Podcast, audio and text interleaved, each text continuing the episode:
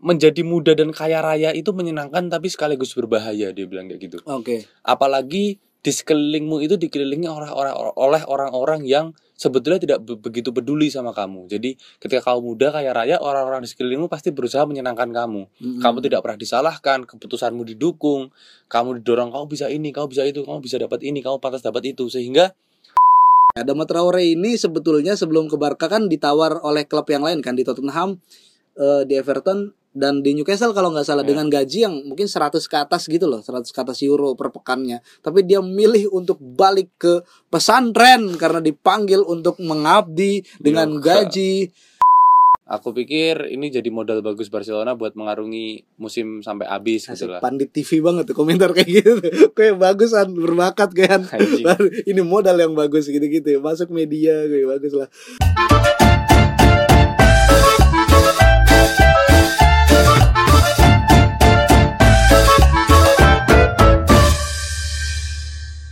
Yo, selamat datang kembali di podcast Oragol episode ke-27 Masih bersama saya Ikhlas Alfarisi sebagai host Dan teman saya Rehan Majid. Halo. Selamat malam Han. Sup?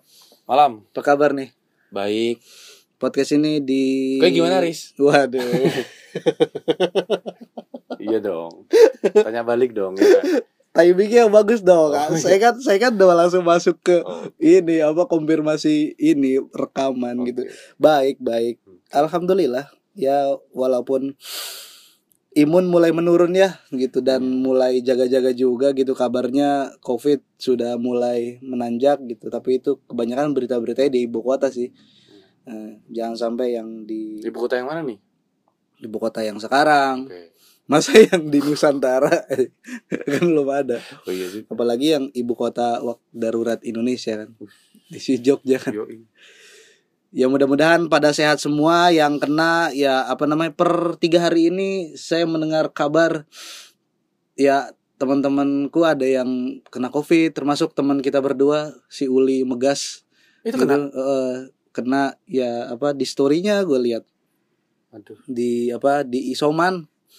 Dan ya harus isoman maksimal 10 hari gitu-gitu ya. Jadi dan omikron kenanya gitu omikron dan aku nggak tahu sih ke apa namanya di Jogja itu sudah seberapa naik gitu dan mudah-mudahan sih nggak sampai parah lagi gitu. Maksudnya ya pandemi ini jangan sampai tarik ulur gitu maksudnya ya eh, naik turun naik turun naik Hmm. turun ya kita apa kadang-kadang kesel dan dan menjengkelkan juga nih kapan selesainya gitu Hmm. giliran panik lebak bukan lebay ya ya panik wajar gitu kan panik gitu kan terus giliran turun bebas Barbar. bebas bebasnya barbar. Jadi ya tetaplah protokol kesehatan ya. Mau main mau sibuk mau mobile ke mana pun. Yang penting sekarang mah yang paling kita harus aware dan sadari padahal satu kata beda bahasa doang tuh. Aware Adalah- dan sadari. Nah, adalah protokol kesehatan gitu-gitu ya. Penting sehat. Di episode ke-27 ini direkam di tanggal 20 eh di, belum tanggal 20 ini masih awal Februari. Iya masih tanggal 4 masih tanggal 4 Februari. Gimana nih Han? Minggu-minggu ini sepertinya Anda banyak main bola ya benar-benar sebagai player gitu dalam sepak bola. Jadi belakangan ini lagi secara pribadi lagi nyari posisi yang cocok aja sebetulnya. Hmm, setelah di beberapa pertandingan itu main sebagai midfielder oke. jadi kok di lapangan itu hawa-hawanya Darren Fletcher gitu. Dylan Fletcher. Kemarin diminta untuk jadi RB Hmm, right back. Gitu. hmm, jadi eh teman-teman SMA aku tuh rajin main bola. Karena dulu aku nggak kelihatan main bola jadi nggak pernah diajak. Oh gitu. Terus Hmm. sekarang satu dua kali update kelihatan anak bola Hmm. langsung diajak main bola Ya, mem- ya itu salah satu hasil kecil dari ya bukan hasil ya kemenangan kecil dari ya personal branding. personal branding Pers- personal branding sekecil apa pun kita memberi tahu gitu, memberi informasi kepada halayak gitu loh Yoi. bahwa aku nih A loh gitu. Mm-mm. Ya ya mungkin pasti ada jawaban gitu, Iya. pasti ada ini ya gitu gitulah gitu. Aku ng- awalnya nggak pede kalau menyebut diri sebagai seorang podcaster, tapi satu dua gitu setiap bulan ada aja gitu, Mas datang ke sini dong gitu, kita mau sharing ngomongin Hmm, soal podcast, podcast. gitu ya. Ya walaupun sebelumnya di saat apa di waktu yang lain di salah satu episode ini aku bilang ya aku masih ada di level untuk apa namanya orang yang belum belum belum punya kapasitas gitu untuk untuk sharing dan Hmm. lain sebagainya. Cuman eh ya masih amatir gitu. Tapi ketika ada amatir yang lain ngajak sharing ya nggak apa-apa gitu. Mumpung masih sama-sama amatir kita bener-bener eh, jalan bareng siapa tahu kebingunganku dalam berproses itu terjawab juga gitu ketika sharing itu gitu-gitu. Ya gitulah personal branding bagus. Tapi yang ngomong-ngomong soal eh, keriuh ramaian kita teman-teman kita pada bikin personal branding. Ada yang kemudian personal brandingnya rusak Aduh. akibat kelakuannya yang wah ya ya unexpected ya. unexpected gitu. Eh, kita ngomong dari mana dulu nih? Ngomong dari eh awalnya ada perdebatan pro dan kontra eh se satu lembaga gitu.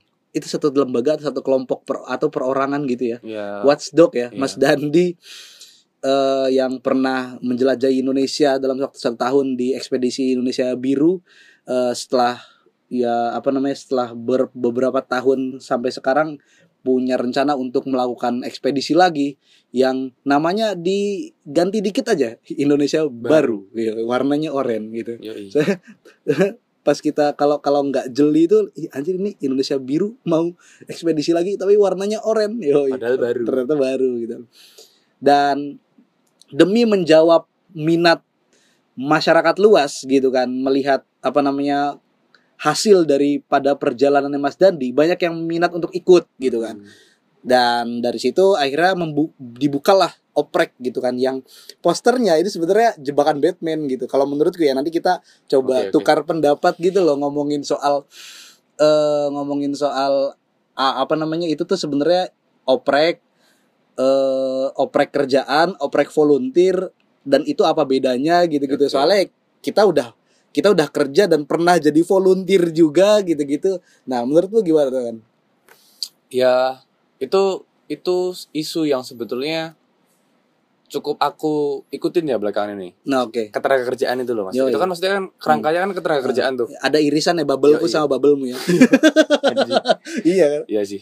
Jadi kemarin itu yang sempat eh, membuat aku mulai ke trigger apa namanya konsen sama urusan ini itu laporannya Multatuli Project, Oke. Project Multatuli sorry, Yoi. Yang dia bahas soal kampus merdeka nih hobi magangin anak-anak mahasiswa tuh. Tapi sebetulnya teredukasi nggak nih bocah-bocah yang magang nih? Tahu Ah, nggak batasan-batasan itu itu juga yang sebenarnya aku cemaskan. Berusaha. Aku cemaskan. Maksudnya aku tuh ya untung udah lulus duluan sebelum ada program itu.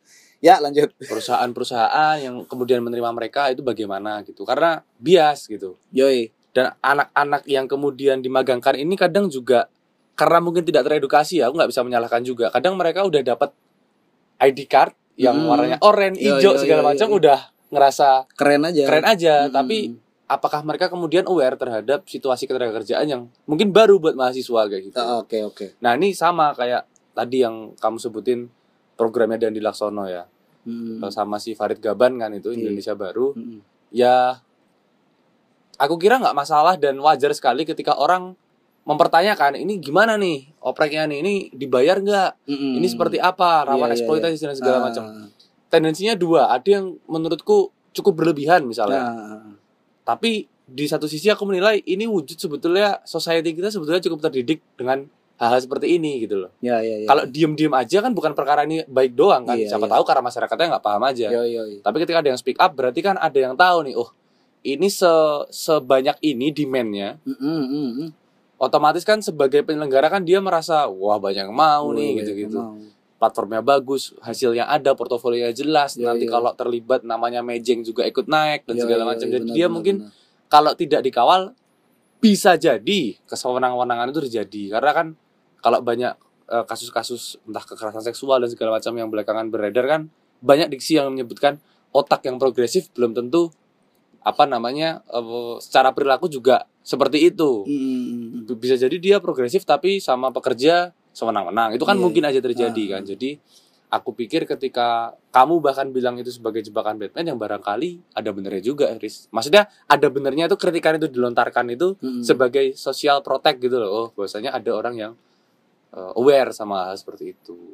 Ya aku- kalau kalau aku yang apa namanya kalau dari sudut pandang orang yang besar selama masa kuliahnya ya di di apa di skena pergerakan gitu kan ngomongin ngomongin voluntarism gitu kan kesukarelaan itu kan udah udah sangat biasa gitu kan Iya. kita punya eh, punya misi kita punya idealisme katakanlah kayak gitu terus kita bertemu satu sama lain ternyata ada yang nyambung nih gitu kan Mhm. irisannya ya udah kita jahit saja gitu kan ya kan Yoi. gitu kan untuk bersama-sama gitu kan meluluskan apa apa namanya me- mencapai Tujuan Nah, bersama. tujuan bersama gitu-gitu kan. Nah, ya mungkin pola pikir yang ada di apa namanya Mas Dadi dan dan apa nam dan bapak-bapak yang ada itu ya mungkin masih dengan pola pikir itu gitu. Kita Hmm. pengen ya kan pas di space itu loh. Iya, iya, iya. Ya, kita kita kita pengen me- me- apa mendefinisikan kembali, mem- mencari ide kembali kerangka Indonesia ini kayak gimana, kurang lebihnya kayak gitu gitu kan. Dan perspektifnya aktivis, katakanlah perspektifnya pegiat apa gerakan sosial ya nggak mungkin ini bisa dikerjakan oleh company atau atau atau atau government sekalipun ya harus ada gerakan akar rumput gitu-gitu kan. Ya ya kan gitu teorinya kan gitu kan. Kalau kalau aku nggak salah belajar gitu loh. Iya kan? Yoi. tapi kemudian dikomentari oleh orang yang punya perspektif ya ngomongin soal eh apa sih Se- sebenarnya nggak salah juga gitu ngomongin hak dan kewajiban karena itu penting juga. Penting. dan menurutku konklusinya adalah aku mulai mulai memahami bahwa wah ini kayaknya perlu ada nih eh, konsep baru atau terma baru soal ya pelaku gerakan sosial juga perlu diperhatikan gitu loh jaminannya gitu. Nggak nggak. Ya mungkin dulu ya apa kalau kalau kalau terma dulu ya ya udah kamu mau kamu pengen berjuang sampai titik darah penghabisan mungkin kalau perlu kamu habiskan seluruh hidup dan nafasmu itu di di di dalam Perjuangan ini. garis masa Hmm. gitu-gitu kan. Cuman Yoi. kan ya, ya apa namanya ya perlu ada terma baru kita nggak bisa menafikan gitu. Ternyata banyak juga kalau misalkan di eh, kalau aku satu dua kali mendengar gitu kan banyak orang yang sampai sekarang misalkan di umur 40 kah gitu ya mungkin menanjak ke lima eh, apa umur 50 masih setia gitu tapi dia masih gitu-gitu aja gitu loh masih belum bener-bener mencicipi apa itu kesejahteraan barangkali kayak gitu itu kan Iya. sangat sangat disayangkan gitu loh jasanya pemikiran tenaganya waktunya udah diluangkan tapi nggak disorot gitu ya nggak apa-apa itu kan perjuangan gitu yang nggak bisa gituin juga gitu Yoi. perlu makanya jangan nunggu si pelaku itu tua ya bahkan dari sekarang pun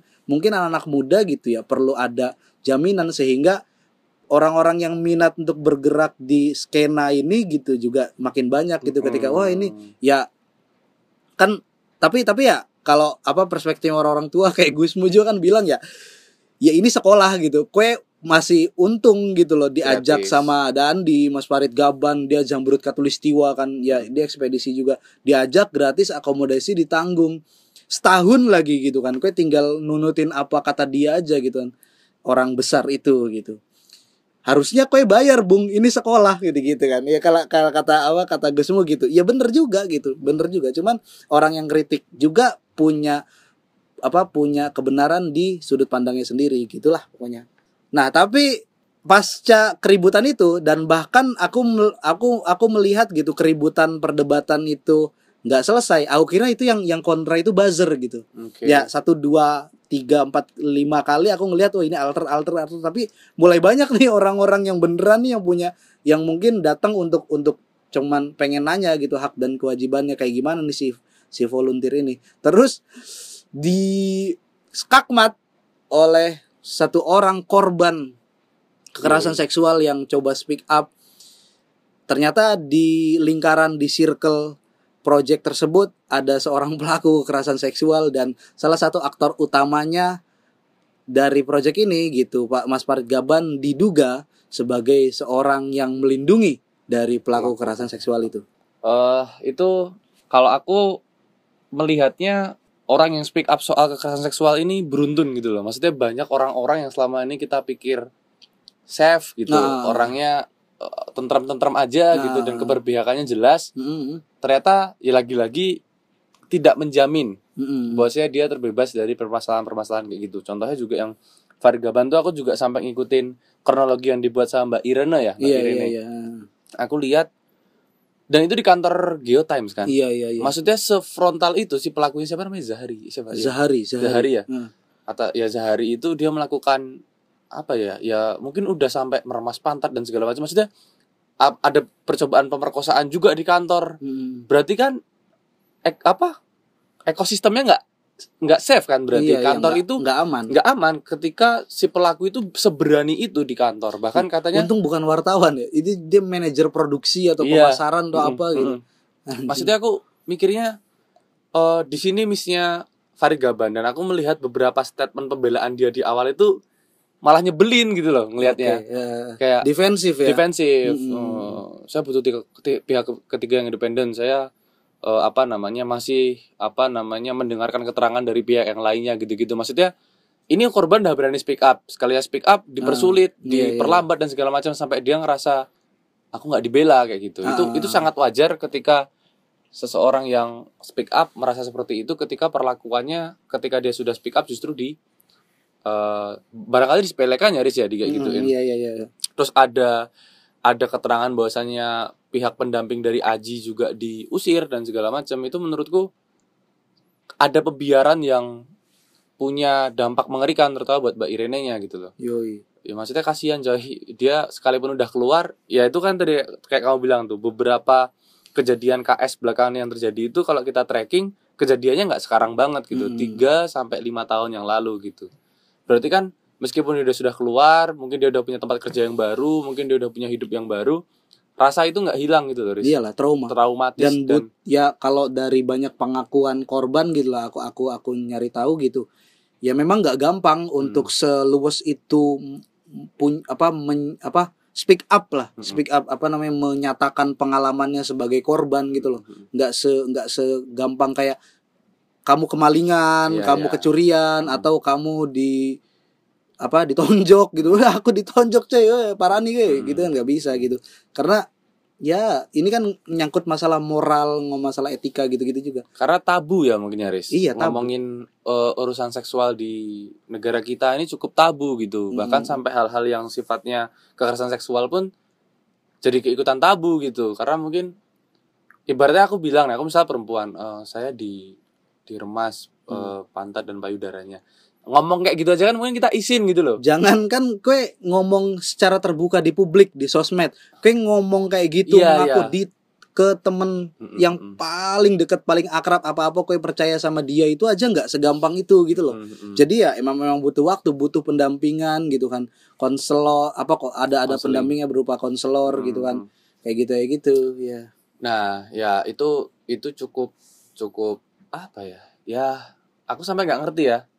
Banyak banget kejadian kayak gitu terjadi Iya dan nih, mungkin anjir. sekarang tapi ini menurutku cukup aku cukup apa ya, Riz? Skeptis maksudnya situasi sekarang ini emang sedang eh, bagus atau sedang amankah kita lagi banyak orang speak up atau atau sedang momentumnya aja atau nanti besok-besok udah nggak laku lagi isu kayak gini karena kan ibaratnya kalau 3 5 tahun yang lalu kejadian itu terjadi dan nggak ada yang speak up kan berarti saat itu kan nggak nggak ada yang aware gitu mungkin Riz ya. Terus sekarang Iya. baru speak up berarti kan sekarang Iya. baru zamannya aku ya aku cenderung nggak setuju kalau kalau diukurnya pakai populer atau nggak Oke. populer gitu Nah. atau lagi rame atau nggak rame apa mungkin tepatnya aku aku nggak nggak nggak nggak paham juga gitu kayak Iya. gini kayak gini Fahri dan kawan-kawan lah yang punya bidang ini ya gitu Oke, oke. yang yang apa expert expert gitu Hmm. menurutku aware dan nggak aware sih mungkin yang apa 3 sampai lima tahun yang lalu itu ya belum aware belum seterbuka ini Oke, gitu kan. heeh. apa namanya pemerintah pun belum belum se belum semaju ini dalam tanda kutip kan. Ya kita kan kemarin baru ada Pemerintah Dikti kalau dari Iya, pemerintah kan. iya, maksudnya undang-undang yang eh, mengatur terus ya RUU PKS juga udah disahin belum sih itu? Udah diketok belum sih? Belum belum kayak nggak tahu. Ya, ya itulah pokoknya. Ya maksudnya ada gerakan ini bener, apa beneran mulai mulai besar dan ketika gerakannya besar kita merasa mungkin kuat dan si korban pun merasa mungkin mungkin punya kekuatan dalam tanda kutip ya untuk coba me- me- apa namanya melawan balik gitu loh si pelaku pelaku yang mungkin juga Oke. yang mungkin si pelaku ini mungkin udah lupa juga anjing ada yang Hmm. speak up gitu kan tiba-tiba ya udah akhirnya memang itu dosa masa lalumu yang yang belum sempat kamu apa ya apa kamu dapat konsekuensinya gitu gitulah dan akhirnya proyek tersebut yang digadang-gadang menjadi ekspedisi menarik gitu kan. Ya aku aku juga orang yang cukup intens nontonin diskusiin film-film Mas Dandi akhirnya ya ya ya komentar dalam hati dia komentar nggak diketik gitu kan. Ya nggak jadi gitu kan. Dia tweetnya langsung dari Mas Dandi. Itu yang terjadi ya ya di Jogja juga ada gitu Andre anti tank men ya ampun itu itu parah sih ya. Maksudnya ke pacarnya sendiri itu ya parah Kacau, sih kacau. ya pak goblok lah Mas Andre Mas Andre tolol.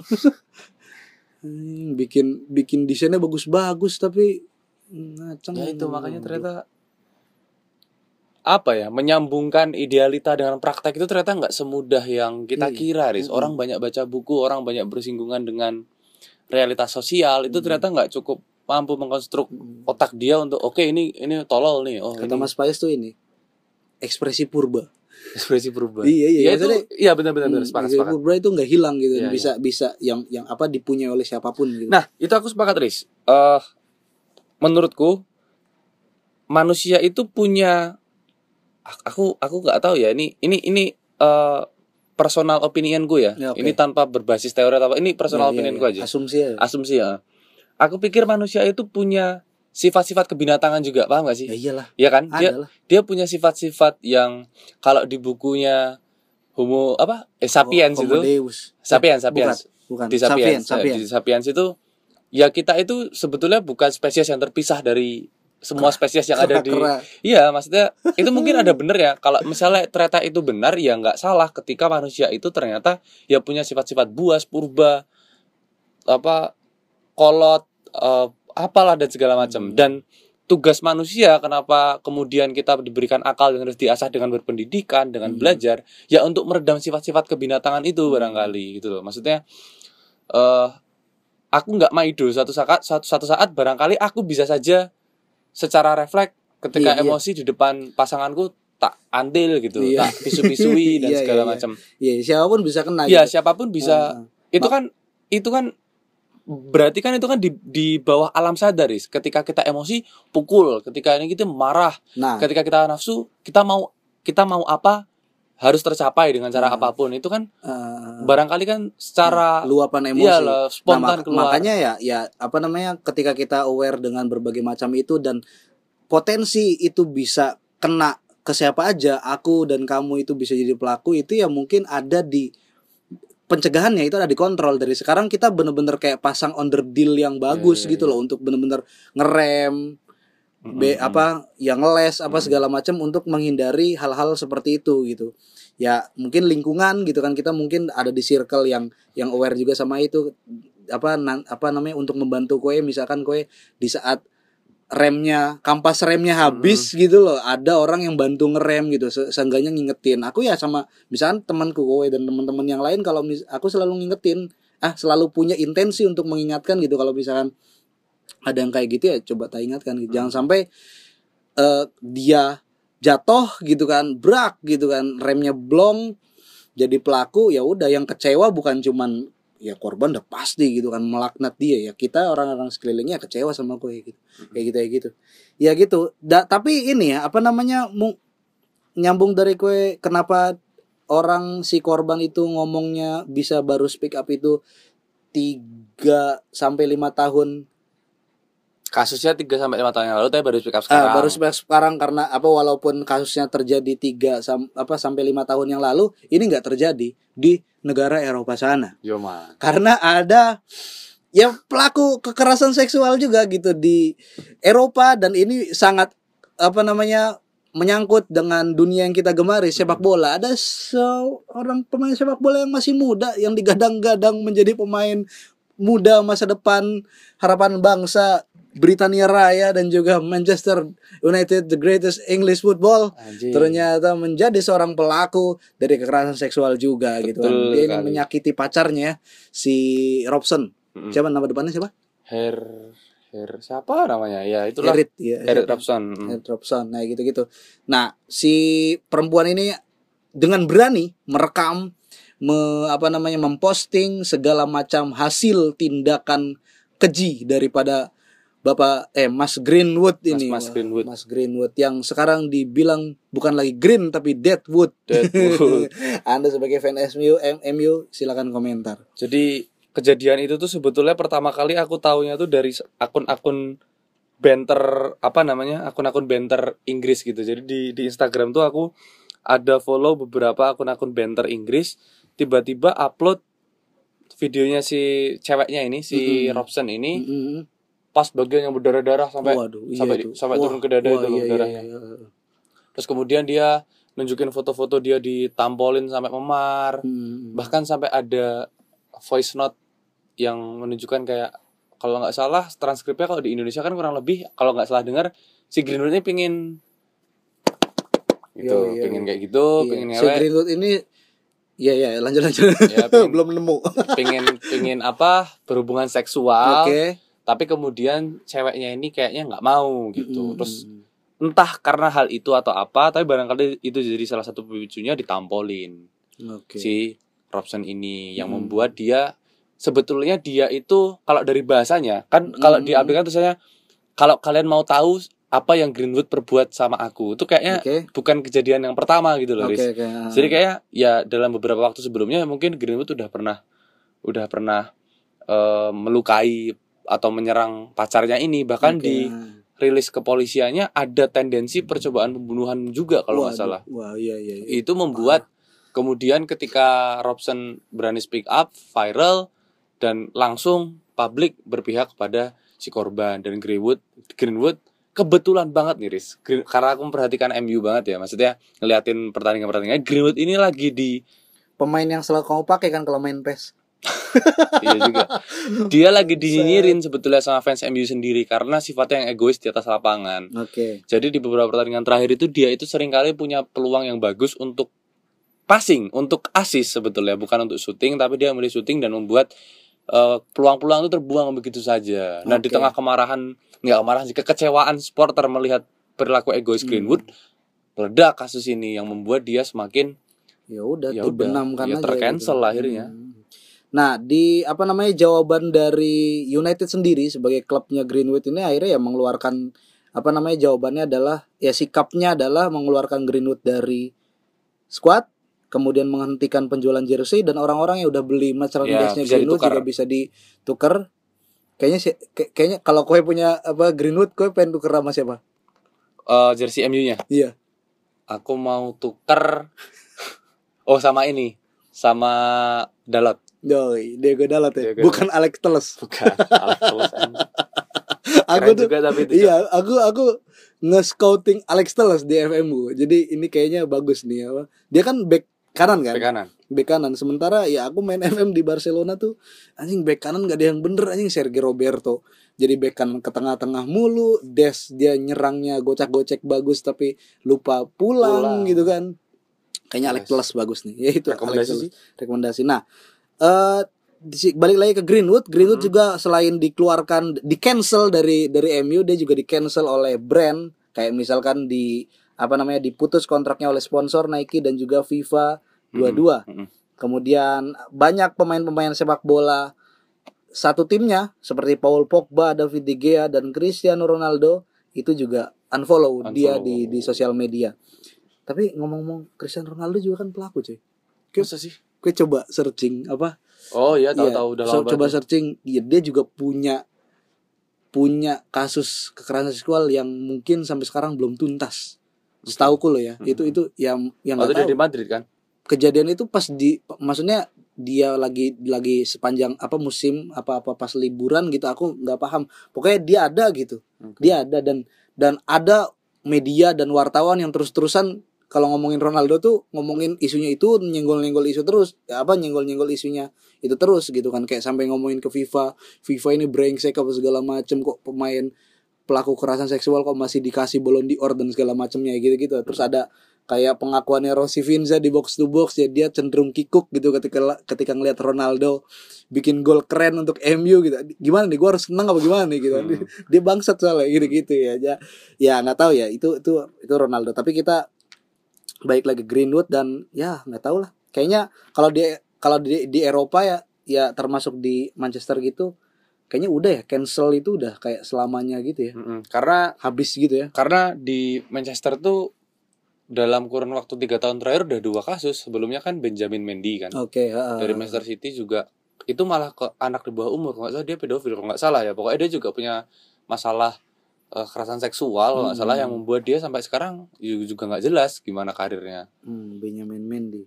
Jadi memang eh, untuk kasusnya Greenwood ini se- sedari awal itu mencuat aku udah kayak dalam hati dan seperti banyak orang bilang Greenwood telah mengakhiri karirnya sendiri sebetulnya. Iya. Karena wah itu kacau coy. Tapi ada satu hal, Riz. Maksudnya ini dalam sudut pandang yang berbeda ya.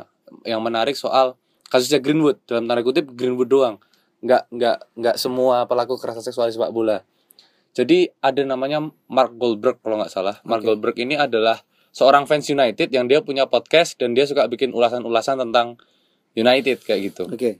kalau nggak salah namanya Mark- Mark Goldberg gitu. Jadi dia bilang eh menjadi muda dan kaya raya itu menyenangkan tapi sekaligus berbahaya dia bilang kayak gitu. Oke. Apalagi di sekelilingmu itu dikelilingi orang-orang oleh orang-orang yang sebetulnya tidak be- begitu peduli sama kamu. Jadi ketika kamu muda kaya raya orang-orang di sekelilingmu pasti berusaha menyenangkan kamu. Mm-mm. Kamu tidak pernah disalahkan, keputusanmu didukung, kamu didorong kamu bisa ini, kamu bisa itu, kamu bisa dapat ini, kamu pantas dapat itu sehingga di usia muda yang harusnya dia belajar up and downs, dia trial and error, Mm-mm. itu nggak dilalui karena masa mudanya udah settle, udah Gajinya kaya, udah banyak kan udah jadi pemain banyak. MU squad Mm-mm. utama gitu-gitu kan. punya spotlight, Oke. terkenal dan segala macam, endorse apa membuat dia kecukupan dan memungkinkan dia untuk memiliki semua yang dia mau. Iya iya. iya. membuat dia akhirnya nggak belajar. Apalagi tadi yang paling penting menurut gue di garis bawahi Mark Goldberg adalah lingkungan yang toksik itu loh. Mm. Toxic positivity. Yo. Yoi. Jadi seakan-akan kamu tuh bisa, kamu pantas dapat Iya. itu, kamu udah berjuang, kamu gini-gini. Sehingga dia nggak punya pressure untuk membenahi dirinya gitu. Iya iya iya. iya. Kecuali dia di Kayak kurangnya apa segala Mm-mm, macam mm-mm. gitu-gitu. Sedangkan di usia muda yang harusnya kita struggle, hidup pas-pasan, berjuang untuk settle, trial and error, membuat kesalahan, belajar memilih keputusan yang baik itu nggak kita lalui, ya sulit kayak gitu loh. Jadi Hmm. untuk kasusnya Greenwood dan banyak pemain bola muda lainnya barangkali menjadi pemain termuda itu nggak pernah mudah. Makanya aku pernah sharing sebuah tulisan di storyku, aku lupa penulisnya siapa.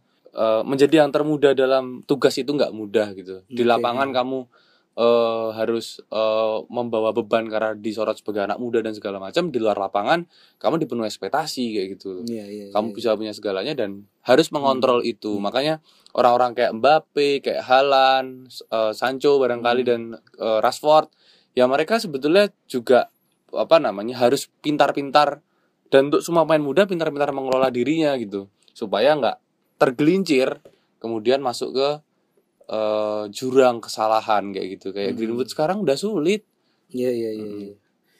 Ya, sulit lah. Ngomong-ngomong bahasa Jogjanya sange itu biasanya kita bilangnya ngacengan ngacengan.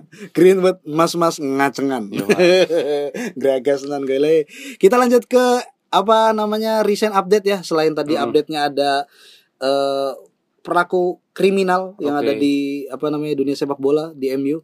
Kita masuk ke update hasil transfer musim dingin di liga-liga top Eropa.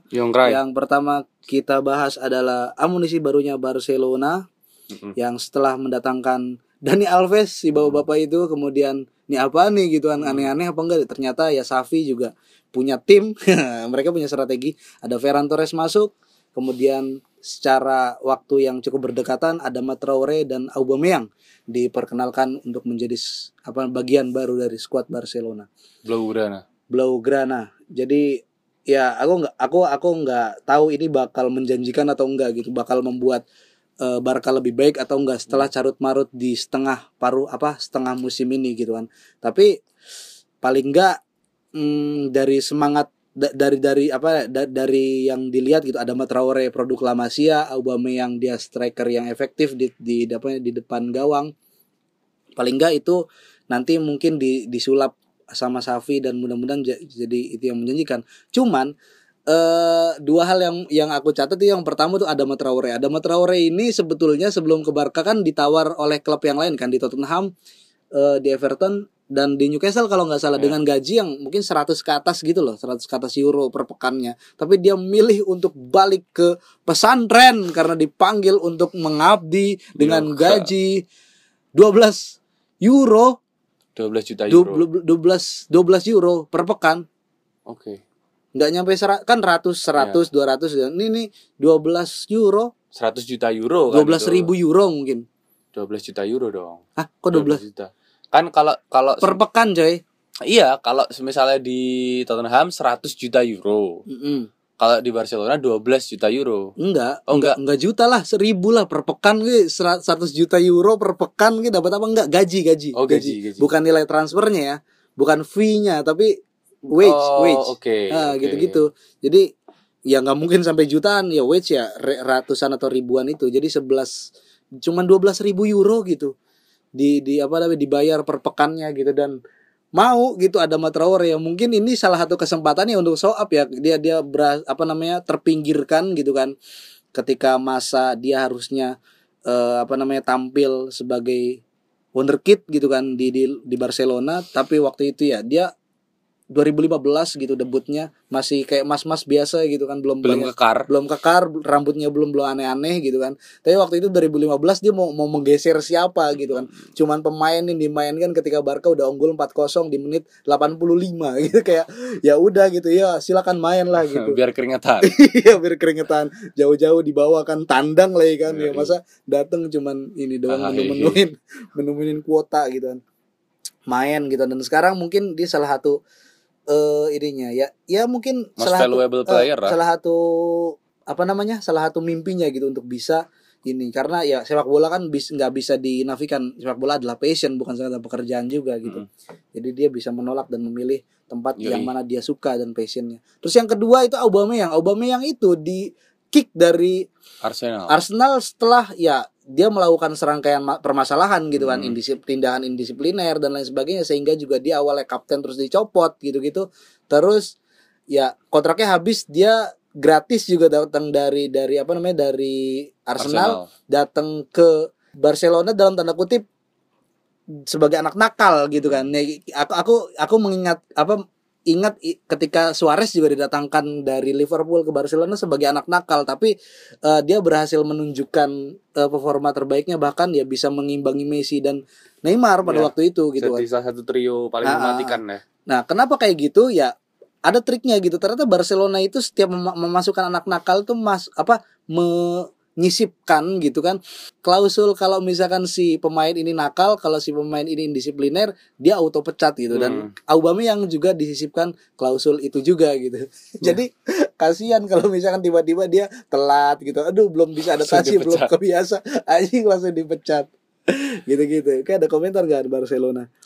Barcelona eh kurasa perlu banyak mengejar ya memang Riz ya. Hmm. Ngelihat dari kondisi pasca eh, Ronald Koeman nyatanya di bawah Xavi mereka juga masih harus banyak sabar barangkali ya. Yo, Jadi iya, iya. barangkali ini bagian dari membentuk tim Barcelona gitu. Tapi ya kalau aku sih sebetulnya nggak berekspektasi tinggi sih dari Barcelona karena aku berkaca sama United juga. Hmm. Dulu kita juga bangun tim, beli Lukaku, Luke Shaw dan segala macam yang bertahun-tahun itu ternyata juga hasilnya biasa-biasa aja. Maksudnya, yes, tapi kan namanya manusia kan cuma bisa berikhtiar, ya kan? Hasil akhir tetap milik ya siapa? Ya Juan Laporta barangkali. tapi Atletico Bilbao yang berhasil mengalahkan Real Madrid 1-0. Iya.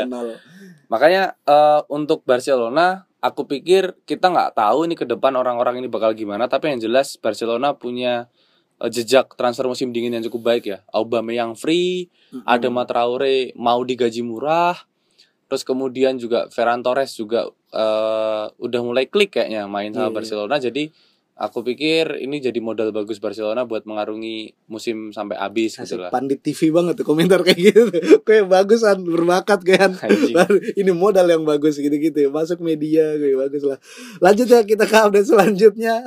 Cepet aja nih ya. Ada Everton yang lumayan dapat Lampard dan Van de Beek dan juga Dele Alli Yoi. di bursa transfer ini. Lampard setelah dipecat dari Chelsea, Chelsea. terus dia melalang buana ke mana ya? Aku aku nggak paham ke mana dia nganggur Oh nganggur. nganggur Oh kirain jadi pandit kayak Gary Neville. Enggak. Enggak. No, enggak. ya, dia akhirnya direkrut eh, untuk menggantikan siapa? Ini, siapa namanya? Ya itulah pokoknya saya siapa ya. Everton ya oh Benitez kan Iya, Rafael Benitez. Oke, Ya. Rafael Benitez digantikan oleh Frank Lampard dan dia punya modal ya Dele Alli dan Van de Beek gitu kan. Van de Beek kurang jatah main ternyata dikit banget dia main di MU ya. 50 pertandingan Eh, dan juga kayak Dele Alli juga udah kayak habis apa ya udah suntuk entah udah di puncak keiniannya gitu Entah, anjing ngapain nih gua nih gitu gini-gini aja nih gitu. dikit-dikit ngentot gitu Ya bagus Harry Kane, Harry Kane golin terus nih ay, kapan kita juara ya top skor mulu lah uh, gitu kan. Hmm. gitu ya. Terus ada Newcastle yang punya ikhtiar juga Hmm. untuk membebaskan diri dari jurang degradasi karena percuma dapat dana banyak karena tak kal- kalau mainnya di championship gitu kan. Bukan Hmm. percuma juga sih ya bisa berproses. Tapi kan ya eh, seenggaknya dana Saudi ini di, dimanfaatkan Hmm. eh, apa namanya untuk dia melanjutkan Belanja. trennya di divisi teratas gitu kan Hmm. di divisi teratas karena ya siapa juga pemain paling bagus sedunia yang mau dibayar murah gitu kan ya enggak dibayar mahal tapi mainnya di divisi 2 liga Oh, iya. Inggris gitu kan Iya, Misalkan iya, iya, bener. Newcastle punya banyak duit ngerekrut siapa Kante terus siapa lagi? Halan Sabitzer siapa lagi? Pemain-pemain Eropa bagus tuh. Tapi mainnya di championship ya nggak mau lah dia benar. turun. nggak di nggak di apa nggak dilirik sama timnas juga Benar. gitu kan. Mm-mm. ada Kieran Trippier yang pulang kampung dari Atletico Madrid. Mm-mm. terus juga ada apa Daniel Was apa siapa? Yang mana itu? Newcastle Newcastle. Newcastle itu ada Wood oh iya Wood. Wood. Oh, Was sih. ya Wood terus ada Bruno Guimaraes Oke, Bruno Guimaraes. terus iya. kemudian ada Matt Target itu loan Mm-mm. terus kemudian juga mereka memboyong tadi udah aku sebutin Kieran, Kieran Trippier Kieran Trippier. Oke, itulah ya yang nggak tahu lah. Semoga Newcastle bisa ya berbicara banyak di apa namanya separuh kedua musim Mm-mm. Apa musim musim ini ya gitu. Terus juga yang terakhir ada Tottenham yang dapat Ben Tancur ya secara transfer dan. Kulusevski ini pemain muda dari Swedia ya dipinjamkan untuk jadi modal selanjutnya bagi Antonio Conte ini Yo, ah. gi- dia kayaknya harus ngimpor dulu pemain dari Italia biar dia paham gitu loh caranya dia kayak gimana ya Tottenham dan kita akan bahas eh, prediksi juara Liga 1 Indonesia Yoi. di segmen kedua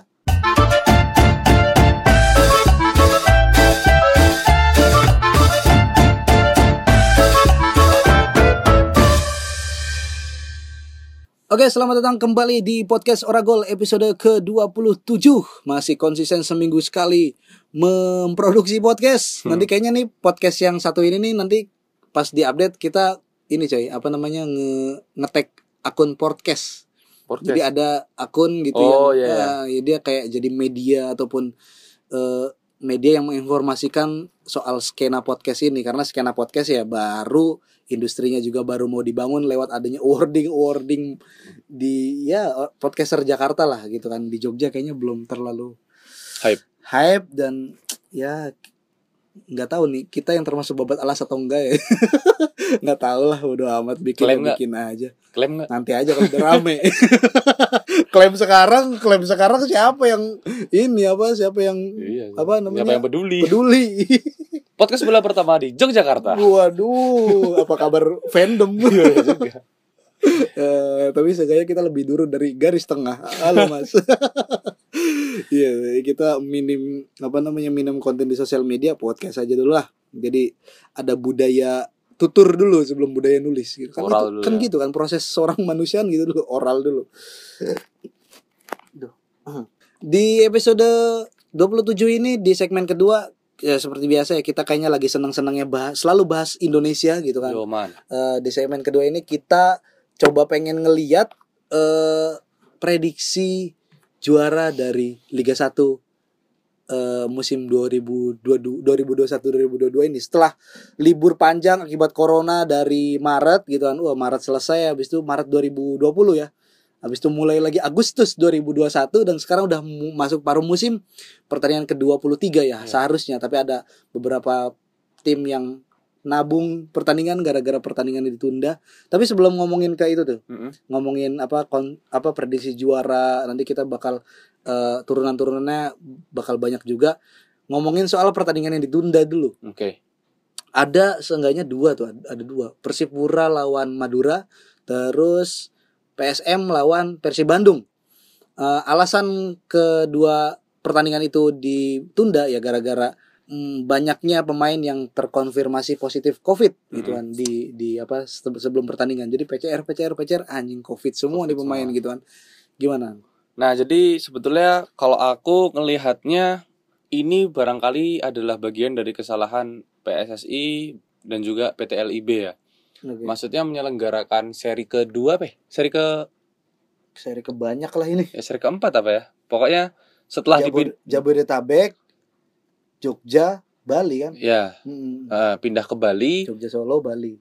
Pe- pemilihan Bali ini juga sempat dikritisi banyak pihak kan? Oke. karena pertama eh, jamnya berbeda. Oke. Yang yang kemarin sempat kita bahas Hmm. membuat pemain pemain bermain terlalu malam. Oke. Terus yang kedua main di Bali ini ada ada apa ya? Eh, kerentanan dalam ngomongin bubble kan ada bubble dalam sepak bola nih oke bubble ini dibentuk supaya pemain-pemain itu cuman boleh beraktivitas di tempat latihan, di gym, di lapangan, hotel misalnya udah Oke, itu aja. Jadi ruang ruang sosialisasi dia sehari-hari itu karena kalau Hmm. enggak dia rawan terkena Covid dan kalau kena Covid yang yang rugi adalah si pemain dan klub. Mm-mm. Nah, Benar. tapi ternyata kemarin banyak banget pemain eh, liga apa tim-tim Liga Indonesia mentang-mentang main di Bali, mampir-mampir ke kafe-kafe, ke pantai-pantai di Bali juga gitu loh. Oke. Yang jelas itu menarik perhatian kan. Iya, iya, betul, Masa betul. kita lagi di Bali nih misalnya ketemu Prat- Pratama Arhan, ya pasti minta foto kan. Iya iya iya. Paling enggak foto ya.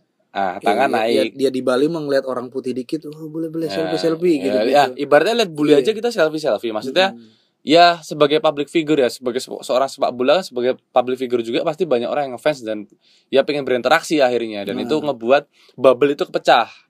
Ini kasusnya sama kayak dulu Elkan Bagot, Victor Irbunevo, eh, Ryuji Utomo kalau nggak salah waktu kita AFF di Singapura yang kemarin itu dia nggak boleh main lawan apa itu? lawan terakhir Eh, lawan Thailand ya. Terakhir ya. Iya, Mm-mm. iya, leg kedua lawan Thailand. Gara-gara mereka ketahuan keluar dari hotel ya kayak gitu. Ah. Jadi jadi aku melihat eh, pertandingan yang ditunda itu ya barangkali ya karena pemainnya juga nggak tertib, Mm. klub juga nggak bisa memberi ketegasan dan pemilihan lokasinya yang membuat orang terdorong untuk melaku-melaku Iya, akhirnya. pemain juga patut disalahkan ya gitu Mm-mm, ya, maksudnya ya, pemain. ya kalau misalkan ngomongin apa namanya is pemain bola bosen apa segala macam dia main bola terus gitu kan ngomongin taktik ya main bola nggak sekedar 90 menit Hmm. tapi be apa ruang ganti arahan pelatih ya latihan apa segala macam ya gimana lagi situasinya gitu lagi Hmm. situasinya. Kowe kalau misalkan mau cari hiburan ya bikin kebahagiaanmu sendiri di bubble yang ada gitu. Nggak usah nembus bubble itu. Benar. ya kayak misalkan kemarin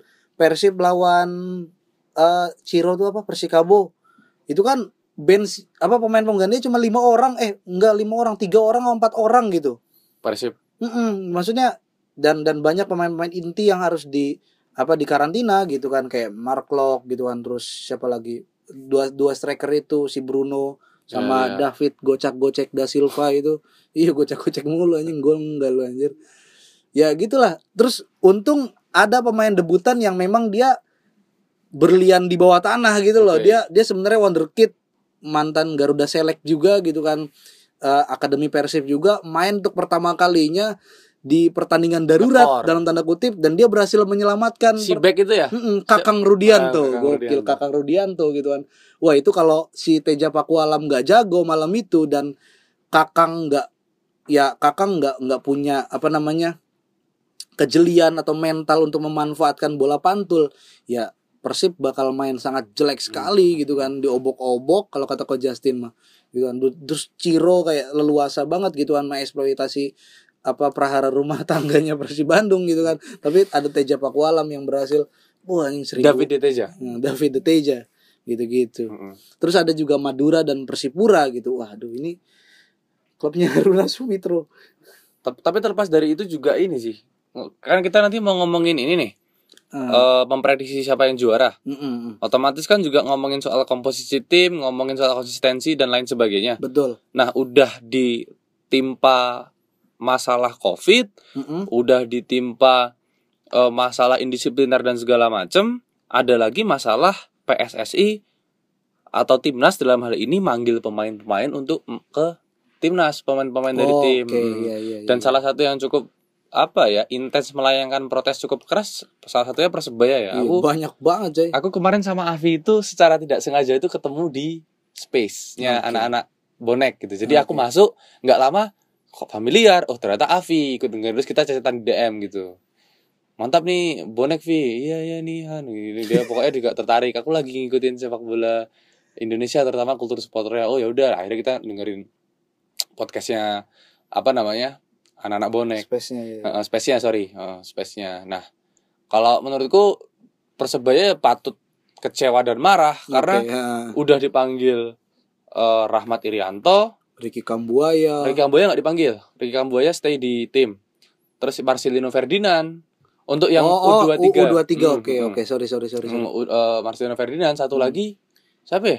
ini siapa Eh, Rizky kip- Rizky Ridho. enggak Rizky Ridho kemarin main Oh iya enggak. Ricky Kambuaya sama Rizky Ridho lawan PSIS PSIS kan Hmm. yang offset TC Marukawa Oh iya, heeh. Eh, siapa ya kiper kiper Oh, kiper ya. Ya Hmm. pokoknya udah dipanggil ya. Terus anak-anak bonek pada bilang, "Udah cukup tiga aja." Bilang gitu kalau nggak Hmm. salah. Sisanya biar Persib jangan eh Persi, eh, Persebaya jangan sampai goyang dia bilang kayak Ya. gitu. Ya aku ngerasa ya ngeri banget nih tim-tim Liga Indonesia udah jadwal mainnya malam, udah banyak yang kena Covid, pemainnya indisipliner, PSSI yang kagak jelas, ditambah PSSI butuh pemain yang otomatis ngambil dari tim-tim Hmm. Liga 1. Iya, Wih. iya. Gila, pusing banget itu. ya ini juga efek domino dari apa namanya dari komposisi tim yang enggak enggak ya ya apa namanya fair aja yang nggak bagus-bagus amat. Akhirnya nggak Hmm. dilirik gitu loh nggak Hmm. dilirik sama apa namanya sama coach Sintayong gitu ya. Dan dan, dan cenderung yang dilirik itu terpusat ke satu tim gitu Iya, loh. iya, ini anjir pemainnya bagus nih. Bukan bagus secara tim juga tapi bagus secara individu gitu kan. Kambuaya mainnya konsisten gitu kan. Terus ya Rahmat Rahmat Irianto gitu kan. Ya ya mungkin tipenya Sintayong banget lah gitu. Kan Iya. ternyata dilalahnya itu terpusat di tim Persebaya. Hmm. satu sisi wajar Persebaya mengeluh satu sisi ya Sintayong juga punya hak gitu kan untuk memanggil ke, apa kepentingan timnas. Satu sisi ya ini masalah gitu loh. Kenapa adanya di situ doang gitu loh. Nggak tahu ya. Aku apa kalau misalnya dikomparasikan Barcelona 2012 juga kebanyakan eh, eh timnas Spanyol yang juara Eropa 2012 juga kebanyakan dari Barcelona. Hmm. tapi ya tapi apa itu ya kompetisi di luar jadwal liga gitu loh. Nah, makanya maksudnya kenapa yang banyak dipertanyakan orang itu waktu ada AFF eh, manggil-manggil pemain ini kenapa nggak diliburin turnamennya gitu loh. Nah, iya iya, Iya ya, kan? itu logika PT. Lipnya. gitu Iya kan. benar. Jadi itu mempersulit akhirnya. Mendingan kayak kayak di liga-liga Eropa ya gedek sih ada international break. Mm. Tapi itu lebih baik daripada Hmm. ngelihat MU tapi nggak ada pemainnya. iya, iya. Malah pada dipanggil ke timnas Inggris mana dan segala Hmm. macam. sama kayak kosong. kita apa yang lihat Liverpool tapi nggak ada Sadio Mane. Iya, bayangin aja sekarang lagi Afcon kayak gini nggak ada Mane, nggak ada Salah. Iya, dua-duanya tanding lagi sebagai musuh gitu loh. Iya. Heeh, Senegal versus Mesir ya. Mm-mm. Heeh, gitulah. Jadi Nabi Keita juga kayaknya. Nabi Keita, kan? gitu, Maksudnya, wih, kacau nih. Kalau Liga Indonesia masih tetap jalan dan Hmm. kompetisi in- internasional beda berjalan. sehari gitu loh. Mm-mm. Dan aku ya respect banget sama orang kayak Ricky Kambuaya abis balik dua kali pertandingan lawan Timor Ti- Leste. Timor Leste abis itu dia jag-jag lagi anjing Mm. wah main lagi lari lagi 90 menit lagi mainnya Kayak ingat Pedri waktu kemarin iya Pedri kan wah. Olimpiade, Piala Eropa dulu eh Piala Eropa dulu Piala ya. Eropa Olimpiade, Olimpiade Barcelona. Barcelona cedera Cedera akhirnya ya. ah cedera Hancur sekarang baru juga. sembuh Hancur juga akhirnya Hmm, kan. hancur sekarang baru sembuh ya tinggal nunggu aja ya maksudnya kita nggak mau ngedoain yang buruk gitu loh ya. cuman ya itu akumulasi daripada kelelahan seorang pemain gitu loh Bukan robot soalnya ini kan. Iya betul. Iya Pedri, ya kakak Kambuaya juga ya kelihatan sangar sih gitu kan. Ini apa kaos ke keangkat gitu loh kalau udah mode ini ya kan mode seriusnya. Tapi ya dia juga atlet yang butuh Rehat. ah, butuh rehat. Kunto Aji. Tolong pas dia pas dia cedera gitu terkonfirmasi terkonfirmasi kamu hamstring gitu. Waduh, dengar kan Bikin story gitu. Di rumah sakit. Semua ini bukan salahmu. Aduh pusing. Aduh, kakak buaya ya ya kacau juga kalau misalkan dia sampai amit-amit gitu terjadi apa? Cedera, Cedera. berkepanjangan kualifikasi Piala Asia dan di Hmm. Juni nanti dia nggak bisa ba- jadi bagian dari tim wah kacau juga gitu. Ya sistem yang disalahkan gitu. Kalau gitu. misalnya dia nggak jadi bagian dari tim barangkali itu merugikan tapi masih oke lah. Tapi kalau sampai cedera yang membuat performanya nggak sama kayak posisi fitnya lagi gitu loh, Riz. Mm-mm. Itu lebih kacau lagi kan. Iya iya iya. Ya gitulah ya ya ya ini apa namanya liga pasca pandemi. nggak tahu ya ini kejar tayang atau apa sih ini maksudnya entertainmentnya ini sepak bola nih maksudnya ya udahlah gitu nggak usah disama-samain kalendernya sama liga lain. Ya ada juga kok apa negara-negara yang bagus gitu secara timnasnya itu sama sekali liganya nggak nyambung gitu sama Hmm. sama misalnya liga-liga Eropa gitu kan kalendernya ya gitu. Hmm. ya ada juga mereka stabil-stabil aja. Nggak usah nggak usah FOMO gitu sama sepak bola Eropa ya. Biarin aja mereka udah. tiga apa berapa ratus tahun yang lalu gitu loh berjalan. Kita ya baru at least ya baru 1930 20 30-an udah sepak bola ada gitu. Mereka dari 1800 AC Milan, Inter Milan gitu. Jadi ya nggak usah terlalu mencontoh dan FOMO sama sana. nggak tahu ya, mungkin gitu kan. nggak relate juga soalnya Nggak relate juga gitu. Nah, eh kalau misalkan mau masuk ke prediksi atau sotoy-sotoyan gitu ngomongin siapa yang bakal juara karena menarik juga nih gitu kan. Aku punya punya premis gitu kan. Liga 1 ini seru. Seru kan? Ya seru beneran seru.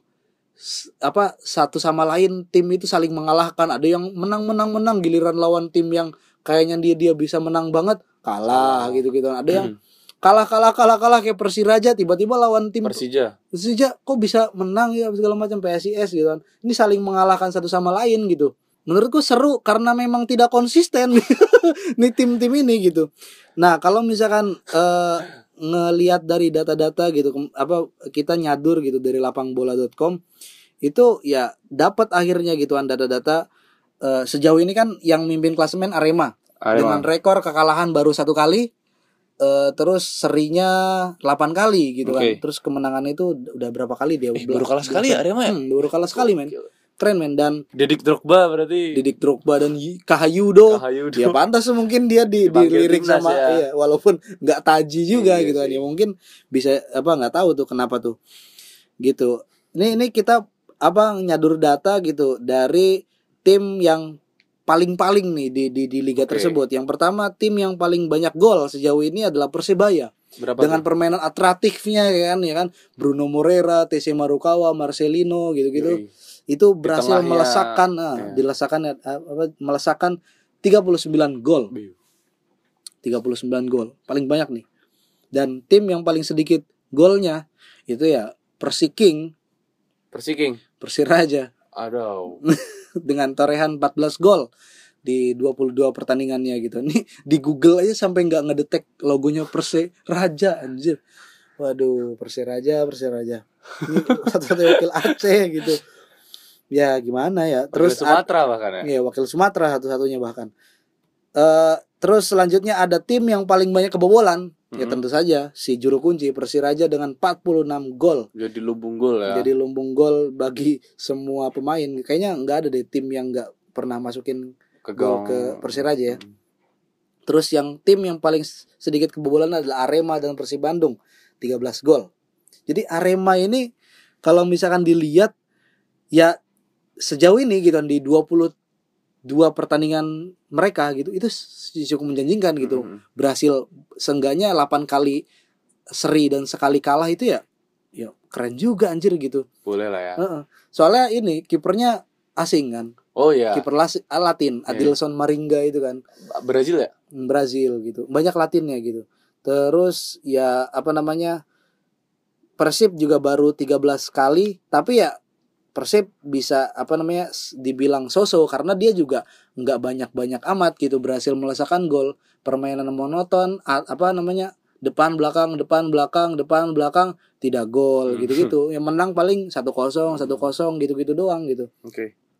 Aku nggak paham-paham amat sih soal taktik dan apa namanya ngomongin perta- permainan yang bagus performa yang bagus bagi sebuah tim tuh yang kayak apa kriteria absolutnya. Tapi aku sebagai fans Persib gitu ngelihat Persib ya bukan 20 pertandingan ini 22 pertandingan ini bukan bukan performa yang bagus gitu loh bagi Persib dengan katanya gitu mempunyai skuad yang paling dalam gitu loh Oke. di Liga 1 ini gitu Nah, kalau aku ngelihat Persi apa Liga 1 ini sebetulnya yang dibutuhkan untuk mencapai tangga juara ini Hmm. itu sebetulnya dalam sebuah tim nggak cuman konsisten ya, konsisten jelas. Oke. Progres, tapi ya juga harus progres, konsisten. Oke, setelah konsisten main bagus, main tertib, rapi, kemudian apa progres. Jadi dari satu pertandingan ke pertandingan lainnya itu bisa dilihat perbedaannya. Oh, Hmm. kemarin error passingnya sekian. Di pertandingan berikutnya dengan konsistensi yang sama, passingnya sudah lebih baik misalnya kayak gitu. Hmm. Terus angka harapan golnya Expected goal. ah, Kayaknya itu belum relate deh di ini. hmm, Iya iya iya. Misalnya meningkat yang kemudian created change-nya meningkat yang itu memperbesar peluang mencetak gol ya gitu-gitu. Oke.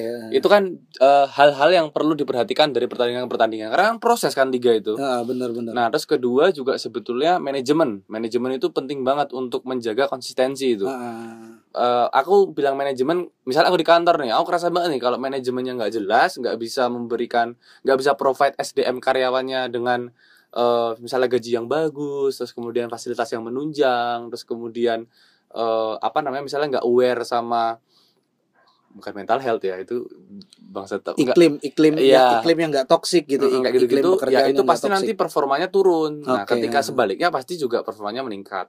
Yang terakhir itu sebetulnya relate sama yang tadi gue bilang Adilson Maringga dan segala macam Taisi Marukawa. Dua orang ini menurut gue adalah contoh pembelian yang sukses gitu loh. Maksudnya Ah, aku nggak tahu planningnya seperti apa, apakah sekedar asal bule dan segala macam, ya, tapi yang penting ngituin Mm-mm, kuota gitu mm-mm. ada. Tapi uh, aku pikir uh, perencanaannya Persebaya dalam hal ini untuk Taisi Marukawa dan Arema untuk Edison Maringga kayaknya cuma dia ya, kiper asing ya di Liga 1. iya iya kalau satunya. kalau zaman dulu kan banyak tuh. Nah, ada Iya, Ro- Kamaruk Ah, dulu Kamaru, Yo Jae-hoon, tuh. Yo ada Terus Sinta Wijaya Haratanakol. terus gitu. iya macam-macam. Sekarang kayak baru si Edison Maringga. Berarti ketika semua orang mengisi kuota asingnya untuk pemain field outfield player, ini Hmm. ada satu tim Arema ngisi buat posisi kiper gitu loh. Maksudnya Hmm. perencanaannya bagus. Jadi Hmm. Transfer dari awal musim sampai sekarang konsisten dan sangat membantu tim gitu loh itu kan Iya iya iya. iya. ya nggak nggak rugi ngeluarin uang dan nggak rugi menggaji kan Ya. gitu apalagi pemain asing dengan ekspektasi tinggi Ah. ya kita kemarin misalnya lihat di PSS Sleman kayak kemarin beri Abdul Abdurrahman eh Abdurrahman apa Lestaluhu itu loh Persija Ah, Ramdhani Lestalu. Ramdhani Lestaluhu sorry Ramdhani Lestaluhu terus beli Wander Luis Iya iya iya. iya. tapi kemarin terakhir kalah lawan Persik Kediri di comeback Ah, tiga di dua comeback 3-2. setelah sebelumnya sempat menang seri gitu berarti kan naik turun tuh apalagi coachnya juga baru kan ibu tuh gede Iya iya iya. jadi memang untuk mencapai tangga juara tak pikir ya selain punya konsistensi dan progresivitas manajemen itu penting banget Iya, gitu iya, iya. Scoutingnya harus jeli gitu kan. Maksudnya Scouting, di tengah logika mayoritas pelatih-pelatih Liga 1 gitu yang sangat pragmatis gitu kan. Ngapain kue beli kiper asing gitu kan. Gak apa-apa kiper so-so kebobolan banyak yang penting kue tajam gitu kan. Mm-mm. You can still win the game gitu gitu kan. Ya kan? Ya pragmatis gitu kan. Tapi ya apa namanya? Bukan berarti memilih apa kiper dengan apa komposisi pemain asing itu nggak pragmatis ya mungkin salah satu ininya mungkin dia mungkin menyadari Dedek dan Yudo itu tidak tajam-tajam amat gitu kan. Jadi wah, butuh tembok yang bagus nih gitu kan. Portes juga musim pertamanya di sini Oh, di, iya, di Arema kan Carlos Portes. Tapi udah berhasil nyetel juga golnya banyak juga. Terus ngomong-ngomong tadi soal ngomong apa kemenangan ataupun berhasil naik ke tangga puncak itu butuh konsistensi apa performa yang bagus ada nih satu pemain lokal lagi-lagi dari Persebaya yang berhasil menorehkan apa namanya successful passing Mm-mm. apa namanya operan berhasil, Berhasil. iya operan berhasil itu sebanyak 984 kali siapa tuh itu adalah Alwi Slamet pemain tengahnya Oh, oke. justru bukan Kambuaya dan Rahmat Irianto yang jadi langganan timnas tapi Alwi Slamet gitu kan Mm. dia ya beda angkanya lumayan dikit lah di bawahnya Broa Nauri pemainnya Bali United Oke. sebanyak 1002 Oke, berarti nomor satu Nauri. Nori 1002 nomor 2 nya itu ada Alwi Slamet ini Hmm. dilansir dari lapangbola.com 984 kali Oke. passing yang sukses kita nggak tahu proses passing itu apa cuman ya passing Hmm. nggak ada visi gitu kan kalau Oke. ada coach ini tapi dengan torehan ini paling nggak dia satu-satunya wakil eh pemain lokal saya di deretan ini ya di deretan Successful statistik ya karena kebanyakan mungkin pemain-pemain lokal itu adanya di di statistik-statistik yang minor gitu loh kayak Oke. yellow card, red card gitu-gitu yang ora-ora Hmm. gitu. Nah ini Alwi Slamet ini cukup membanggakan gitu Oke. kan. Ya aku ng- ngelihat statistik ini aku belum secara spesifik juga nontonin mantengin permainan dia kayak tapi kayaknya setelah ini ya keren juga buat dilihat gitu loh. Hmm. Sekeren apa sih gitu gitulah. Kalau Alwi Slamet eh, menurutku ini lagi-lagi Persebaya ya. Hmm. Coach Aji Santoso ya. Oh iya. iya. Terlepas dari ya jelas lah 900 sekian successful passing itu kan berarti kan dia punya teknik operan yang bagus lah Yo, itu teknik yo, dasar yang kalau pemain timnas aja masih diajarin Sintayong berarti ini Alwi Slamet selangkah lebih maju dari anak-anak timnas Iya, kemarin iya, tuh iya. Sintayong harus melihat ini. Yo lihat nih Slamet nih Mm, mm, mm. bukan Hadat Alwi kan Bukan adat Alwi, Alwi Selamat. Alwi Slamet nah terlepas dari passingnya juga bagus aku percaya skema permainannya coach Aji Santoso juga mendukung kemampuan passing dia sehingga ya operan-operannya aliran bola itu sangat alwi sekali gitu jadi mungkin iya kan Al- kita mungkin bisa menamakan itu sebagai Alwi Pas. Alwi Pas, yo Iya. Alwi Pas. Jadi dalam dalam skema permainannya Coach Aji Santoso ini Alwi Pas ini sangat penting gitu. Mm, Jadi jadi ruhnya permainan Mm. Persebaya dengan ya 39 gol itu kan ada mm, Alwi ada- Pasnya gitu kan. Ada jejak-jejak Alwi di situ. Iya, iya, ada ada. kealwiannya gitu. Anjing, anjing. Iya lanjut lanjut. Aku membayangkan Alwi ini pindah misalnya ke Persiraja Banda Aceh misalnya Mm. gitu. Ya belum tentu dia akan Alwi juga gitu. Mm. Barangkali malah nggak Alwi, Enggak mengalui. nggak mengalwikan diri. Iya. gitu. Karena Iya iya iya. ya kayak kita di luar negeri misalnya kita lihat eh, pemain bisa gacor di satu tim nanti ditransfer ke tim Mm-mm. lain jadi nggak gacor Iya, ya iya. itu secara teknikal dia bagus tapi secara pola permainan barangkali dia nggak klik yang menyebabkan dia jadi eh, kurang pede jadi Ah. nggak nyaman dengan posisinya sehingga jadi nggak produktif Iya, kayak iya, gitu-gitu. jadi eh, terlepas dari hadat eh hadat alwi anjing. Alwi selamat. Keren dengan kealwiannya.